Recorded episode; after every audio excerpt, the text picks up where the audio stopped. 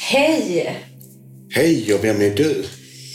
Helena Magdalena fortfarande. Vem är du? Ja, än så länge är jag Benny Rosenqvist ogift. ja. Medium, författare, skribent. Mm. Poddar med dig och sen skriver jag i tidningen Nära som du också gör. Ja. Vem är, vad gör du för någonting då? ja, författare, föreläsare, medium, astrolog, poddare med dig och skriver i tidningen Nära. Ja. Mm. Ja. Och jag är också föreläsare så, och eh, livsresare. ja. Vi jobbar ju väldigt likadant du och jag. Det gör vi gör ju faktiskt. det. Ja. Vi är ju ute och flänger runt både, både här och var. Vi har jobbat tillsammans i mars, så är det tio år sedan jag började på Nära. Och det är fantastiskt ju. Ja, verkligen. Och så har vi ju den här underbara podden som vi snart har haft i ett och ett halvt år nu. Det har gått fort. Ja, Jag tror det var ett halvår. Det känns liksom, när man förstår det på fakturorna, att vi faktiskt har jobbat länge. ja precis.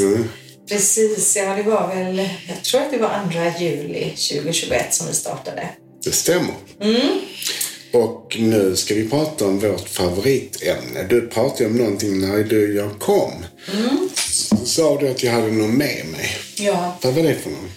Jag kände ju in det när du hade kommit in här och landat och så satt du och grejade med någonting och då kände jag det att vi hade en, eller vi, jag hade med mig en yngre kvinna. Eh, för min tanke var så här, vad ska vi podda om idag? Och då kom hon direkt och så sa hon, prata om andevärlden. Och jag kände in hennes energi, väldigt fin energi, introvert, spirituell. Eh, hon är mörkhårig, väldigt feminin fina kläder eh, och väldigt, väldigt andlig var hon. Och då sa hon direkt, prata om andevärlden. Hon ville så gärna att vi skulle göra det. Jag vet ju inte vem hon är, men jag har ju träffat en hel del människor. Men eh, det var ju spännande att hon pratade just om andevärlden. Men Det måste ju vara någon som följer med mig.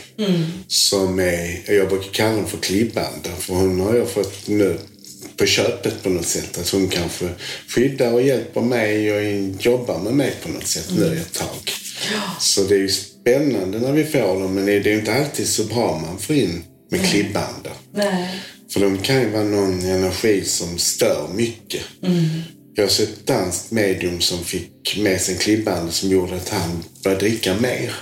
För den hade varit alkoholiserad så den ville ha de energierna när han var onykter. Ja, just det. Och så fick de dit ett medium som tog bort den här klibbanden som hade flyttat in hos den här killen då. Och när han gick så tog han sönder en fyra centimeter glasskiva rätt över så den spräcktes. Så han protesterade när han blev sänd mot ljus. Ja. V- Där med våra släktingar kommer lättare och hälsar på oss. Många blandar ihop och ser alla som andar. Det är det ju, men det finns hitkommande andar och kvarvarande andar. Och de kvarvarande är de som kanske är bundna till ett hus som kan vara nytt, det kan vara marken eller platsen. Och sen har vi de som kommer hälsa på. Det är ofta släktingar och vänner. Och de vill ju bara kärlek. Och de vet, har varit i ljuset så de är ju skolade i att visa kärlek. Men en kvarvarande ande kan ju vara precis som den var när den levde lite aggressiv och energifull och den kan ju vara väldigt mycket att den ska busa om det är ett litet barn så den flyttar på föremål och springer runt och eh, ställer till det där hemma lite grann. Den, här, eh, den här energin som jag kände här, nu, eh, hon har, det känns som en väldigt god, eh, mjuk, fin, feminin och introvert energi. Så att hon, hon kan säkert följa med dig lite grann. Och du har ju varit ute nu eh, på turné runt om I Norrland. i Norrland. Jag har varit eh, så långt upp man kan komma nästan nu. Och Jag tycker inte om snö och vinter och det var det där uppe. Men det är inte så farligt när man väl är där, för då är det ju vackert. Men det var som en filt, mörkerfilt. Men vi hade mycket folk på våra ställen som vi åkte runt. Vi var i Boden och vi var i Skellefteå, vi var i Luleå och vi var i Kalix och vi var i Umeå. Så vi var runt på fem ställen. Och det är, ju- det är, de är så tacksamma uppe i norr. Och då har vi seans och då pratar vi med andevärlden. Och det är ju fascinerande hur olika kvällarna blir. Ibland är det mycket skratt och ibland är det mycket tårar och ibland är det blandat. Så seanser är eh, mycket andar. Och, och det är ju bara hitkommande andar. Det är de släktingarna och vänner. Och jag skickar inbjudningskort så jag vet vem som kommer. Och det blir ju den som de bokar in så att säga. Ja, precis. Jag tänker också på det här ehm, att andra kan vara på platser. Eh, inte långt härifrån ligger ju Fjärås bräcka som är en stor, väldigt stor känd kraftplats. Och där är ju en i andevärlden som ofta visar sig för besökare där. Och han bor på platsen. Han tillhör den här platsen så han kommer gärna och pratar lite grann. Men han stannar ju kvar där, han följer ju inte med när man åker därifrån. Men kraftplats, jag vet ju, men våra lyssnare kanske inte vet vad ett kraftplats är. Kan du berätta vad det är för någonting? Jag ska börja med att säga att alla platser har ju sina energier och energiminnen. Så egentligen alla platser är kraftplatser. Men så finns det vissa specifika platser där man kan ha haft eh, olika byggnader eller stenformationer och liknande. Som till exempel Ale stenar då nere i Skåne. Det är ju ett stort astrohjul egentligen, en astrokalender som man har byggt där. Och det har gjort att människor hela tiden liksom har kommit hit för det är ett sån, en sån fornlämning. Här på Fjärås bräcke där har vi ett stort, det största vikingagravfältet med 127 vikingagravstenar och offerstenar bland annat. Och då är det ju de här kraftplatserna som man oftast benämner, då är det ju att människor har gått hit liksom genom tiderna av olika anledningar. Och man kan ha haft ritualer och så här och då blir det ju väldigt mycket energiminnen på de platserna. Och då kan vi gå dit, så kan vi tona in och så kan vi be att platsen öppnar sig för oss och så läsa av det som finns. Och då kan ju andevärlden vara med där och visa sig och även naturväsen och annat som finns där då. Det kan ju även vara en gravplats som är en kraftplats. För jag har sett, det finns ju gravplatser i Staffanstorp som de blir väldigt störda. Och i Svedala finns en. Och i Uxie finns en galgebacke som också är väldigt specifik. Och där har de ju en valborgsbål. Det är också typiskt att de ska ha en galgebacke där de har hängt folk. Där har de eh, valborgsbål. Så det är en symbolik i det tycker jag. Men där är ju speciella energier. Och där jag bor så bor där en sten, eh, stenålderskung kan man säga. Så det är en backe precis där jag brukar gå med Guido. Så det, vi kallar det för Kungabacken. Och där brukar barnen åka skidor och pulka. Det är inte så stor backe men det är dock att de kan komma ner. Och, eh, Så att eh, där är också, där har jag varit uppe och mediterat och känt in den här stenålderskungen som ligger begravd där. Ja. Och där är speciella energier, för de visste ju var man skulle begrava.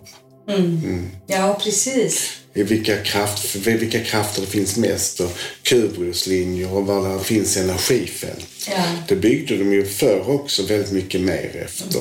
Ja. Det är som att man nästan har glömt det lite nu för tiden. Förut var det ju väldigt, väldigt noga och man gick ju med pekare och letade efter vad vattnet fanns i jorden och, och så här. Vi, vi kan ju mycket mer än vad vi tror. Det här att tona in på kraftplatser och tillägna oss det som har funnits där och känna av energier som du pratar om, currylinjer och Hartsmannlinjer och, och så här. Vi kan ju det och vi har det i oss. Precis som vi vet vad vi kan äta och vad som är bra för oss vet vi också vad energin är bra för oss. Sen kan vi ha en portal hemma ju. Och då kan det vara väldigt mycket andar som springer in så det kan finnas ett helt gäng. Och jag vet min före detta pojkvän Peter som sa det är, är det så många som ska bo här så får de också börja betala skatt. Ja. Och socialavgifter och hyra åtminstone. Ja. Tyckte han. För Typ det är ju många som bor här som flyttar in med dig alltså. Mm. Men vi- det kan vara jobbigt. Jag var ju på ett ställe i Stockholm, utanför Stockholm. Där var en liten pojke.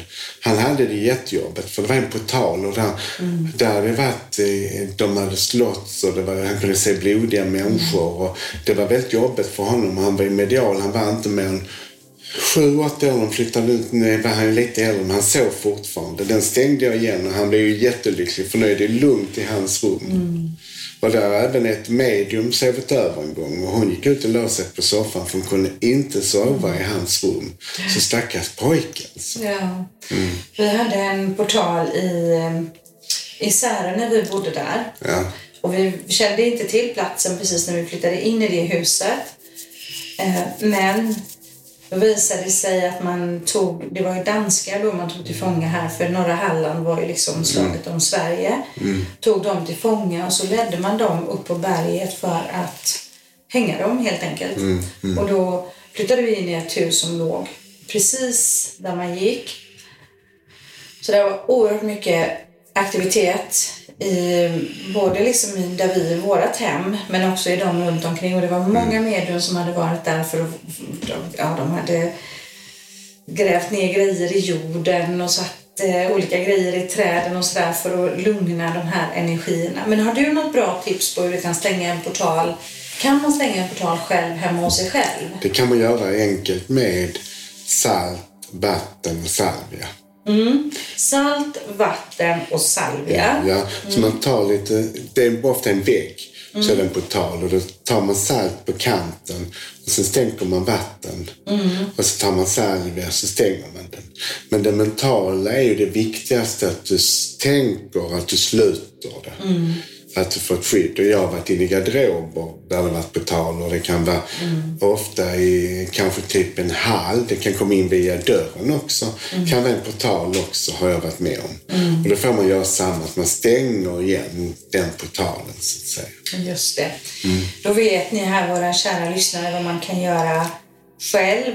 Och när man har en portal så, så känner man ju det här att det blir en orolig energi på något sätt. Eh, och så Jag upplevde det som att även om jag var ensam hemma så var jag inte själv. Sen hade vi en garderob i just det här rummet där det luktade jord. Hur mycket vi tvättade de här kläderna och la in dem där så luktade det ändå jord inne i det, inne i det rummet. Men det är doftförnimmelse som de använder sig av. Doftkoder som andevärlden använder. Mm. Och ibland luktar det inte gott för ibland kan det lukta svett och hemskheter och sånt. Och ibland kan det lukta ruttenhet och urin har jag hört någon som haft Mm. hemma. Och det är ju inte så trevligt att ha det. Nej. Men jag som är gay som har kommit ur garderoben, jag tycker det är jobbigt att de vill vara i garderoben. Ja, precis. egentligen. så att jag tycker det är skönt att komma ur den alltså. Ja. ja, just det. Ja, nej, men då var Så, det så här. att, så det är synd om de spöken om de ska bli gay också, för de står i garderoben. Stackarna, där får de, där får de stå. Men klädkammare har jag hört många som har haft alltså portaler i.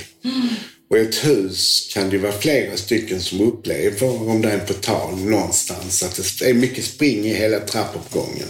Jag bodde på Munkgatan bort vid Trenden och där var ett munkkloster. Där sprang munkarna upp och ner och genom alla lägenheterna. Och det var ju flera av mina grannar som upplevde spökerier, som vi kallar det för. Eller andar som ställde till det eller de kände att det var röret. Ja. Och jag hade ju en städerska som blev nypen i rumpan var gång hon var där och städade. Hej, sa hon, nu är han där igen. och sen hade jag en som eh, faktiskt eh, tog en kille på ryggen som jag hyrde ut ett rum till. För han var journalist och en kompis sa kan han få bo hos dig? Det fick han. Och eh, det tog han honom över ryggen och så la han sig på honom. Mm. Han bara kände en tyngd av en man som la sig över honom. Han blev skiträdd. Ja, han blir så, tänkte, det. så tänkte han, åh, bara Benny kom hem. Och han var journalist, han trodde ju inte på detta. Så sa, nu tror jag, han var fransman, nu tror jag på det du håller på med. För, åh, så vad äckligt det var. Han stått vid kylen och där var han stått naken och druckit mjölk som man ska göra. Jag tänkte, det, de vill nog inte att jag ska stå så här. Så det är därför de höll på med min rygg. Mm. Men det är ju lite... Man upple- upplever det ju som lite läskigt framförallt om man inte riktigt är beredd på det. Och så att man plötsligt får den här närvaron. Det, det kan ju vara lite skrämmande. Mm. Och det är inte alla som har så bra andedräkt heller. För det hade inte han min munk. Nej. Han luktade illa alltså från munnen. Han hade nog dålig tandvård. Ja, de hade ju inte så bra tandvård Nej, jag förr. förstår det. I Men han- eh, tiden. Du kan tänka dig han. Usch, det var hemskt. Fy, ja. Men den lägenheten var där munkar och sen så var jag hemma hos en kompis, Karolina, på Klostergatan. Hon hade problem. En kvinna som hade dränkt sig där i ett badkar. Mm. Och hon var jätteolycklig. Hon hjälpte vi också över. Och det blev ju lugnt i den lägenheten, för hon fick ju inte sålt den. Och När folk kom in så kände de, visste inte vad det var, men hon, de kände energin av att någonting stämde inte i lägenheten. Och hon ville ju inte bo kvar där. Men jag fick bara bort det, den anden som sa, "Nej, nu skulle jag kunna bo kvar för det här goda energier. Hon kände sån påtaglig skillnad. Och det var så mycket ångest i väggarna så ingen fick ro i den lägenheten. Och den hade ju sålts och köpts, sålts och köpts, sålts och köpt flera gånger. Och det var på, just på Klostergatan. Det blir ju ofta det. Så var det i vårat hem där i Särö som jag berättade Mm, om. Det var också så här, eh, just när det var en stor vacker etagelägenhet som vi flyttade till, jag och döttrarna. Och eh, de som flyttade dit, de separerade. Mm. Eh, Sa min över 90-åriga granne som bodde i lägenheten bredvid, hon sa det direkt. Och det är ju som du säger, det kan ju sätta sig i väggarna den här oroliga, oroliga energin.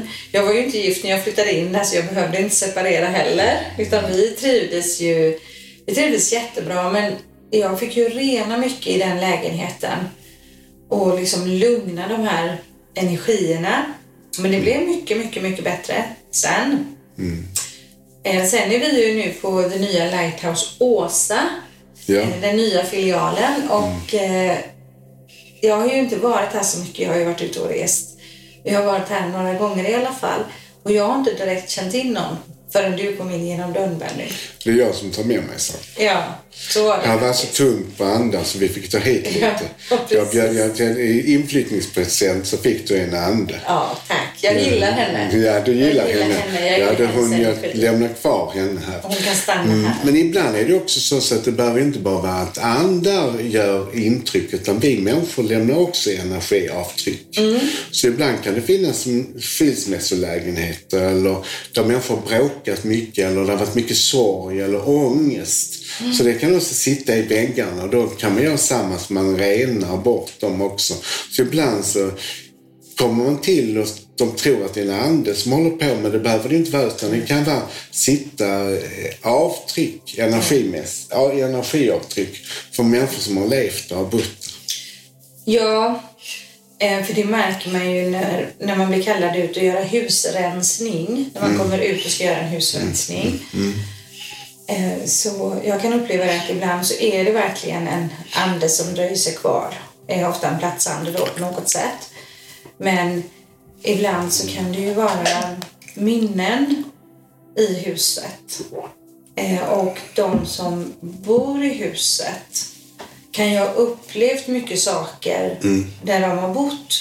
Och det kan då sätta sig i väggarna. Så det är viktigt att veta vad som är vad där.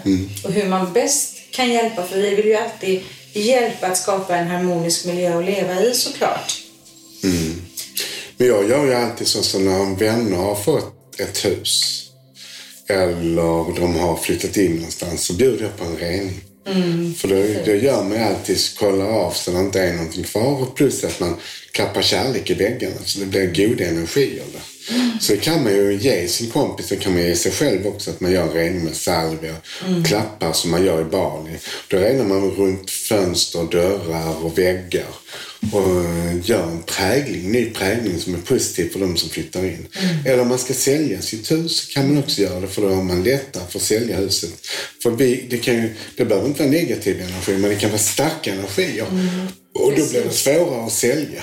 Ja, och det kan bli väldigt mycket energi. Vi märkte ju det på The Lighthouse Onsala när vi hade väldigt kurser. Dels Eh, så kom det ju mycket människor, kom och gick i det här huset. Och sen eh, mycket olika kurser. Eh, när vi också jobbade med seanser och seansträning och sådär, då blir det ju väldigt rörig energi. Mm. Så där fick jag ju rensa ibland och jag vet även andra som har kommit hit. Vi hade några som hade cirkel där ett tag.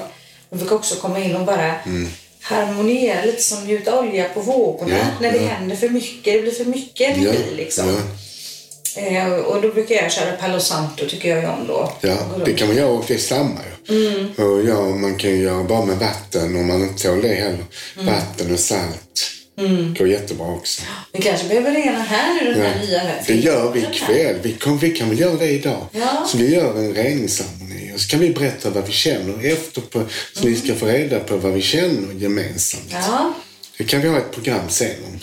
det blir väldigt spännande. Mm. Ja, och se vad vi har för historia här runt omkring här och vad som sitter i de här väggarna. Men andar är ju egentligen kärlek. Och speciellt de som kommer från andra sidan. Jag brukar säga att jag är mer rädd för levande människor än döda människor. För det är så kärleksfullt. De kommer alltid för att ge oss tecken eller visdom om att de finns. Så de är ju bara kärlek. Så jag säger det att jag är så tacksam för andevärlden. Jag tycker det är fantastiska arbetskamrater att ha att jobba med. Mm, Men de visar ett avtryck hur de var när de levde. Men annars så är jag inte rädd för dem ett dugg. Nej.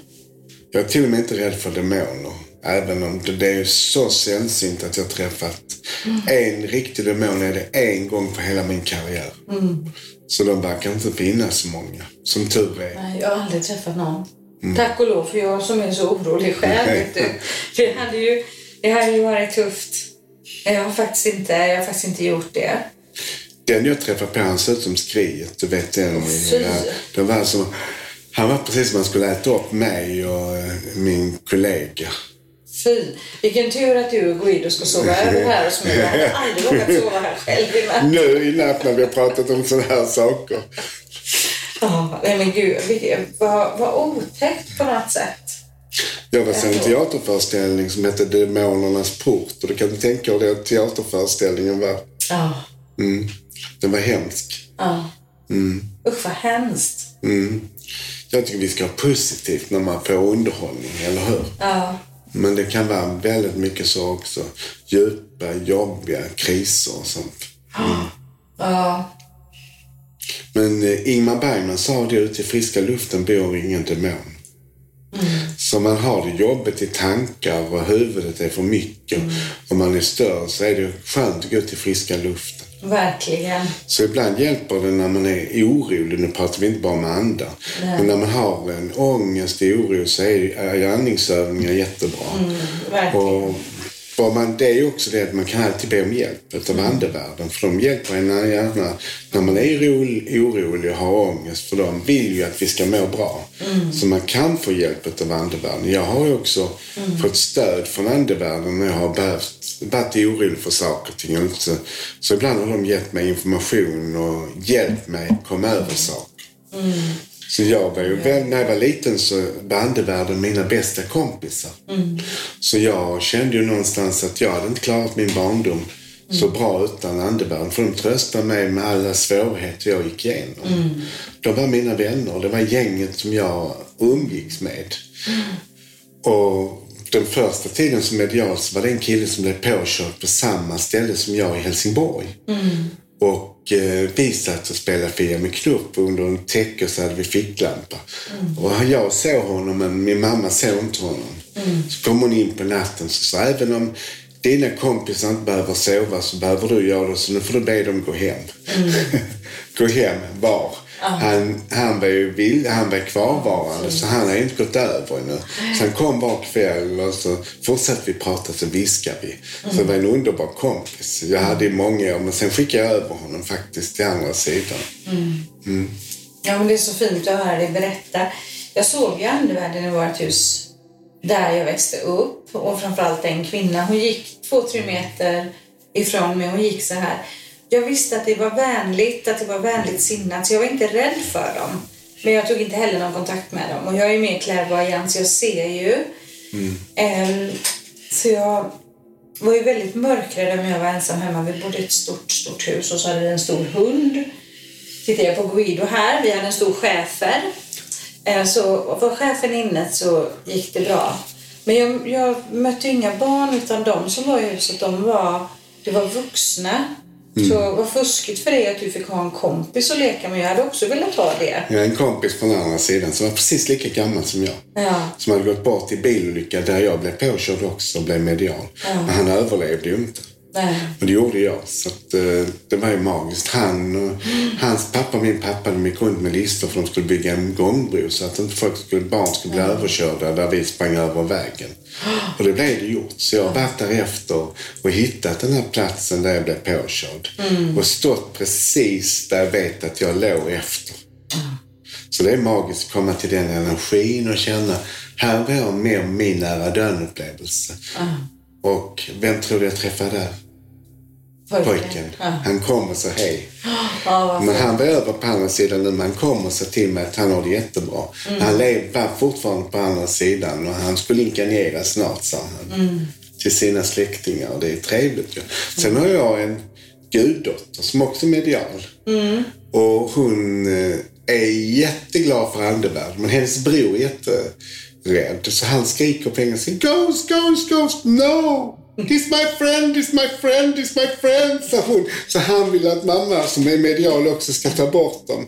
Och, men min dotter Olivia, hon vill inte ta bort dem för det är hennes kompisar. ju. Men hennes son, det är så, han ser ju också dem och han är, han är så rädd för dem. Och ibland ligger han under sängen för han är så mörkrädd och han blir så rädd för andevärlden. Så det är synd om honom. ja, det är ju jättesynd om man Mm. blir rädd. Ja, det är det ju. Men jag brukar säga man kan bara säga till dem att de ska lämna, för de gör ju det.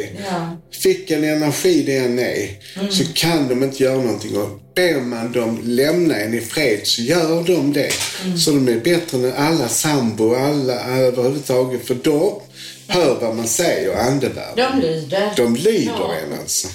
Ja, jag tänker på min lilla syster. Hon är ju 11 år yngre än mig.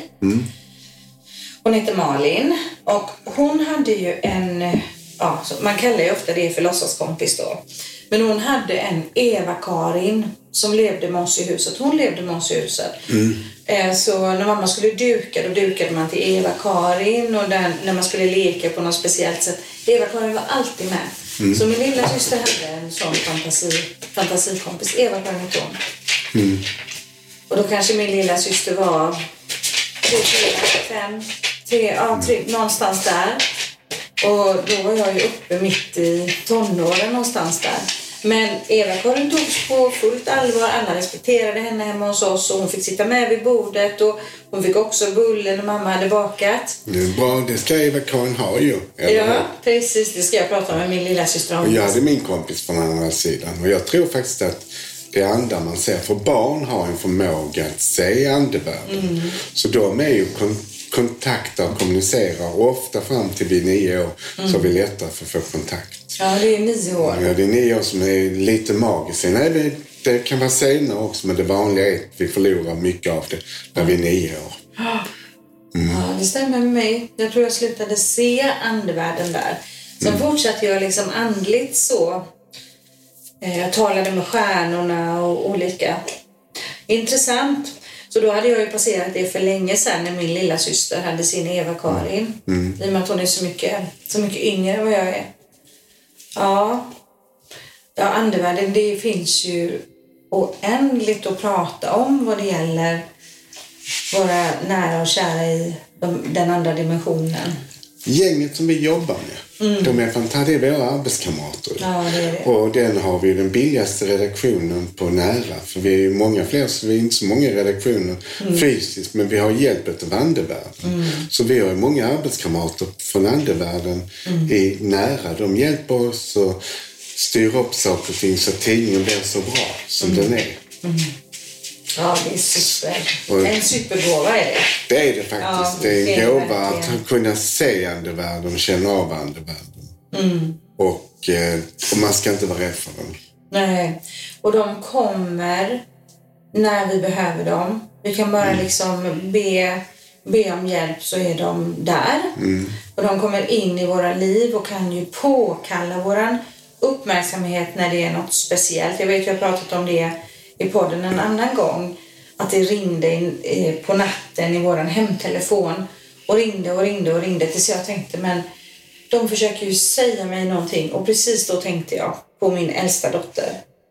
Så förstod jag att det är någonting med min äldsta dotter, jag måste reagera. Då slutade det ringa.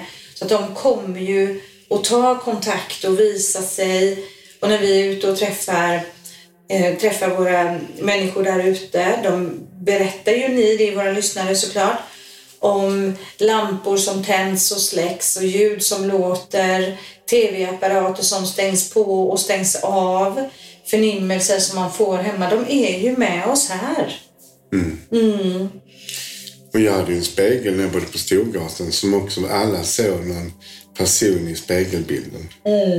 Och det var ju rätt så obehagligt. Och en kompis till mig han stod där och tänkte, vilken finne jag fått, så var den borta. Och herregud, vilken borta jag fått. Ja. så var det faktiskt. En ande som stod där. Som stod på andra sidan. Och sen hade en som öppnade kylen och blinkade i lamporna när vi satt där också en kompis och sa Benny, sluta med det här du håller på med. Har du, en, har du snöre här under bordet så du drar i kylskåpet? Och Har du någon knapp här så du blinkar med lampan?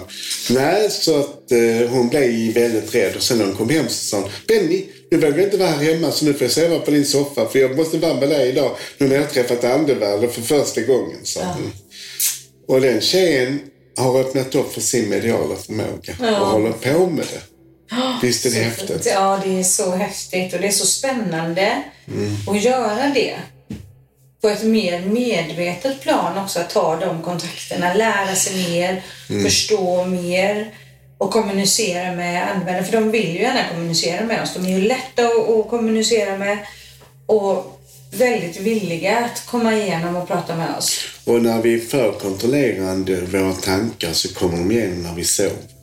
För andevärlden kommer ofta till oss i sömnen och det känns som man har träffat dem som är nära och kära. För de kan komma där och det känns som så tydliga budskap. Ja, vad härligt. Men då tackar vi er så mycket nu för det här avsnittet om allas vår andevärld. Så en andlig kram och puss till er. Puss och kram på er. Tack till dig Benny. Tack, jag vill inte sluta. Nej, men det kommer ett nytt avsnitt snart. Åh, vad bra, vilken tur. Hej då.